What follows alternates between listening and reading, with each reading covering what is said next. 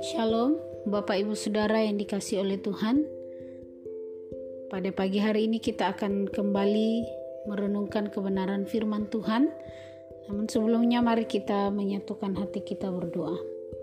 Terima kasih Bapak yang baik, kembali kami mengucap syukur kepadamu untuk kebaikan Tuhan dalam kehidupan kami. Secara khusus pagi hari ini Tuhan kami bersyukur untuk kesehatan, kekuatan yang Tuhan berikan bagi kami. Pada pagi hari ini Tuhan kami mau kembali bersama-sama merenungkan kebenaran firman Tuhan. Roh Kudus kiranya Engkau Allah yang berbicara kepada setiap kami melalui firman-Mu pada pagi hari ini. Di dalam nama Tuhan Yesus kami berdoa dan mengucap syukur. Haleluya. Amin. Bapak Ibu Saudara yang dikasih oleh Tuhan, renungan kita pada pagi hari ini terambil dari 1 Tawarik pasal 29 ayat 1 sampai ayat yang ke-30 di mana di dalam uh, satu tawarik ini terbagi atas uh, tiga perikop yaitu perikop yang pertama sumbangan untuk pembangunan bait suci dan kemudian nyanyian pujian Daud dan perikop yang ketiga Salomo menjadi raja dan Daud meninggal. Nah, Bapak Ibu Saudara yang dikasih oleh Tuhan, di ayat yang pertama berkatalah Daud kepada segenap jemaah itu, Salomo anakku yang satu-satunya dipilih Allah adalah masih muda dan kurang berpengalaman. Sedang pekerjaan ini besar sebab bukanlah untuk manusia bait itu melainkan untuk Tuhan.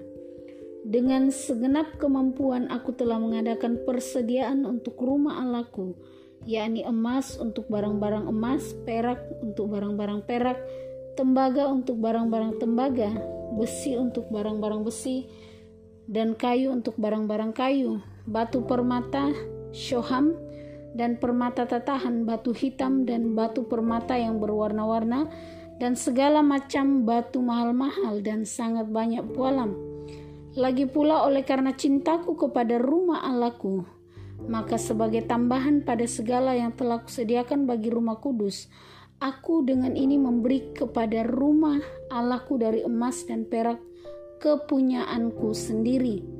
3000 talenta emas dari emas ofir dan 7000 talenta perak murni untuk menyalut dinding ruangan yakni emas untuk barang-barang emas, perak untuk barang-barang perak, dan untuk segala yang dikerjakan oleh tukang-tukang. Maka siapakah pada hari ini yang rela memberikan persembahan kepada Tuhan? Lalu kepala para puak dan para kepala suku Israel dan para kepala pasukan seribu dan pasukan seratus dan pemimpin pekerjaan untuk raja menyatakan kerelaannya. Mereka menyerahkan untuk ibadah di rumah Allah 5000 talenta emas dan 10.000 dirham, 10.000 talenta perak dan 18.000 talenta tembaga serta 100.000 talenta besi. Siapa yang mempunyai batu permata menyerahkannya kepada Yehil orang Gerson itu untuk perbendaharaan rumah Tuhan. Ayat 9, bangsa itu bersuka cita karena kerelaan mereka masing-masing, sebab dengan tulus hati mereka memberi persembahan sukarela kepada Tuhan. Juga Raja Daud sangat bersuka cita. Nah, Bapak Ibu Saudara yang dikasih oleh Tuhan, di dalam perikop yang pertama eh, ada tiga hal yang perlu kita belajar di mana Daud di dalam ayat 1 dan ayat 2 menunjukkan bahwa Daud ini seorang yang memiliki visi atau dia berpikir ke depan sehingga di dalam tindakannya dia menyediakan. Dia mengatakan bahwa Salomo anakku satu-satunya dipilih Allah adalah masih muda dan kurang berpengalaman. Sedangkan pekerjaan ini besar sebab bukanlah untuk manusia baik itu melainkan untuk Tuhan Allah. Kemudian dengan segenap kemampuan aku telah mengadakan persediaan untuk rumah Allahku dan dia menjelaskan di ayat 3 sampai ayat yang kelima apa yang sudah dia lakukan.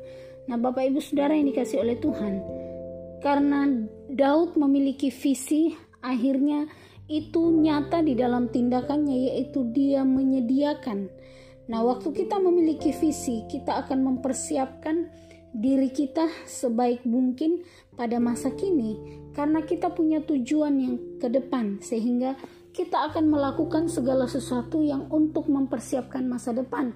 Tidak hanya berpikir untuk hari ini, untuk saat ini atau berpikir di masa lalu, tetapi kita berpikir jauh ke depan dan membuat strategi-strategi apa yang harus dilakukan. Kemudian dia membuat persediaan atau warisan yang menjadi peninggalannya ketika dia sudah tidak ada. Kemudian di dalam ayat 3 sampai ayat yang kelima Bapak Ibu Saudara dikatakan lagi pula oleh karena cintaku kepada rumah Allahku maka sebagai tambahan pada segala yang telah kusediakan bagi rumah kudus aku dengan ini memberikan kepada rumah Allahku dari emas perak kepunyaanku sendiri. Nah, Bapak Ibu Saudara yang dikasih oleh Tuhan, di dalam ayat 3 sampai ayat 5, Daud memberitahukan kepada jemaah tentang apa yang sudah dia berikan itu dari miliknya sendiri oleh karena kecintaannya kepada Tuhan sebagai bentuk teladan di dalam memberi. Nah, setelah dia Daud memberi terlebih dahulu sebelum dia menantang jemaat untuk memberikan yang terbaik juga kepada Tuhan. Di dalam ayat 6 sampai ayat yang ke-9 di dalam ayat 5 dia mengatakan maka siapakah pada hari ini yang rela memberikan persembahan kepada Tuhan Daud rela menantang jemaat oleh karena dia sudah menunjukkan terlebih dahulu telah memberikan teladan terlebih dahulu memberi untuk rumah Tuhan.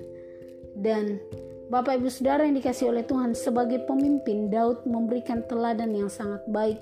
Sehingga sebelum dia menuntut orang untuk melakukan dia sudah melakukan terlebih dahulu ya ada istilah biasanya kadang-kadang orang menuntut orang lain untuk melakukan hal ini, hal itu, tetapi dia tidak melakukan sama seperti kernet ya.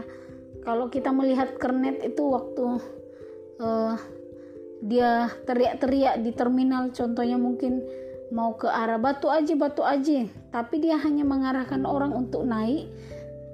Tapi karena ini tidak sampai ke batu aja, dia setelah mobilnya akan jalan dia turun.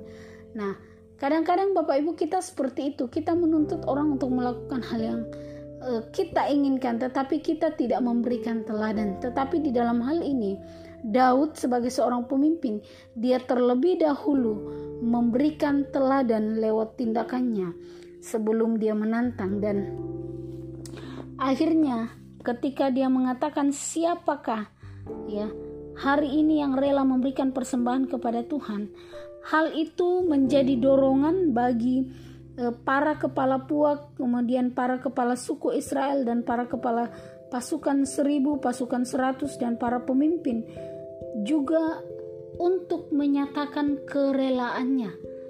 Dan Bapak Ibu Saudara yang dikasih oleh Tuhan, kita melihat dia dalam ayat 6 sampai 9 bagaimana mereka menyerahkan dengan sukarela apa yang mereka miliki untuk membantu pembangunan rumah Tuhan. Dikatakan di ayat yang ke-9, bangsa itu bersuka cita karena kerelaan mereka masing-masing sebab dengan tulus hati mereka memberikan persembahan sukarela kepada Tuhan. Juga Raja Daud sangat bersuka cita. Bapak Ibu Saudara yang dikasih oleh Tuhan, ada sukacita di dalam memberi yang dirasakan oleh Eh, bangsa ini oleh bangsa Israel ketika mereka memberi untuk pekerjaan Tuhan. Mereka melimpah dengan sukacita oleh karena kerelaannya di dalam memberi dan Daud juga merasakan hal yang sama. Bapak Ibu Saudara yang dikasih oleh Tuhan, kiranya kita juga memiliki hati yang sama, kita memberi dengan sukarela dan Tuhan menggantikan dengan sukacita. Ada sukacita ketika kita memberi. Kemudian kita melihat di dalam uh, ayat 10 sampai ayat yang ke-19 itu berbicara tentang nyanyian syukur Daud, nyanyian pujian Daud.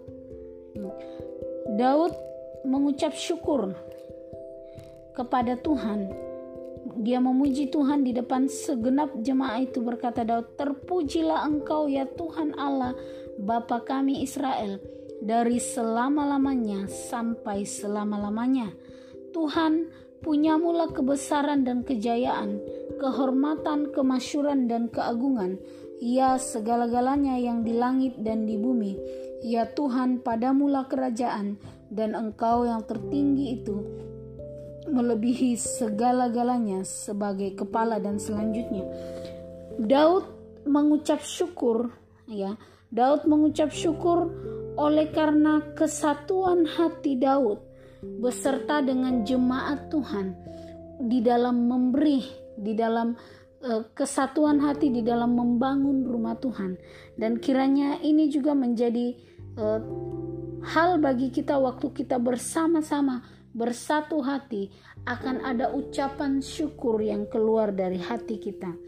Nah, Bapak Ibu Saudara yang dikasih oleh Tuhan, kemudian kita melihat di dalam perikop yang ketiga ketika di dalam ayat 20 sampai ayat 30 30 kemudian berkatalah Daud kepada segenap jemaah itu pujilah kiranya Tuhan Alamu maka segenap jemaah itu memuji Tuhan Allah nenek moyang mereka kemudian mereka berlutut dan sujud kepada Tuhan dan kepada raja.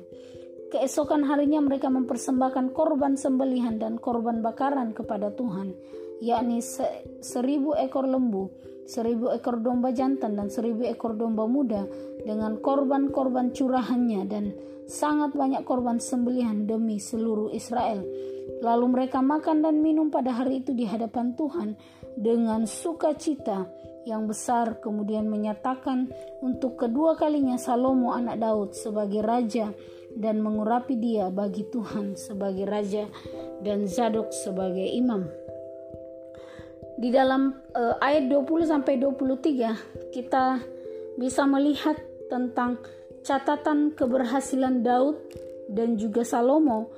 Keberhasilan di mana keberhasilan Daud dinyatakan di situ. Kemudian uh, ada penyertaan Tuhan yang diungkapkan di dalam ayat 20 sampai 35 dan hal yang menarik di dalam ayat 25 Tuhan membuat Salomo luar biasa di, besar di mata seluruh orang Israel dan mengaruniakan kepadanya keagungan kerajaan seperti tidak pernah ada pada semua raja sebelum dia memerintah atas Israel.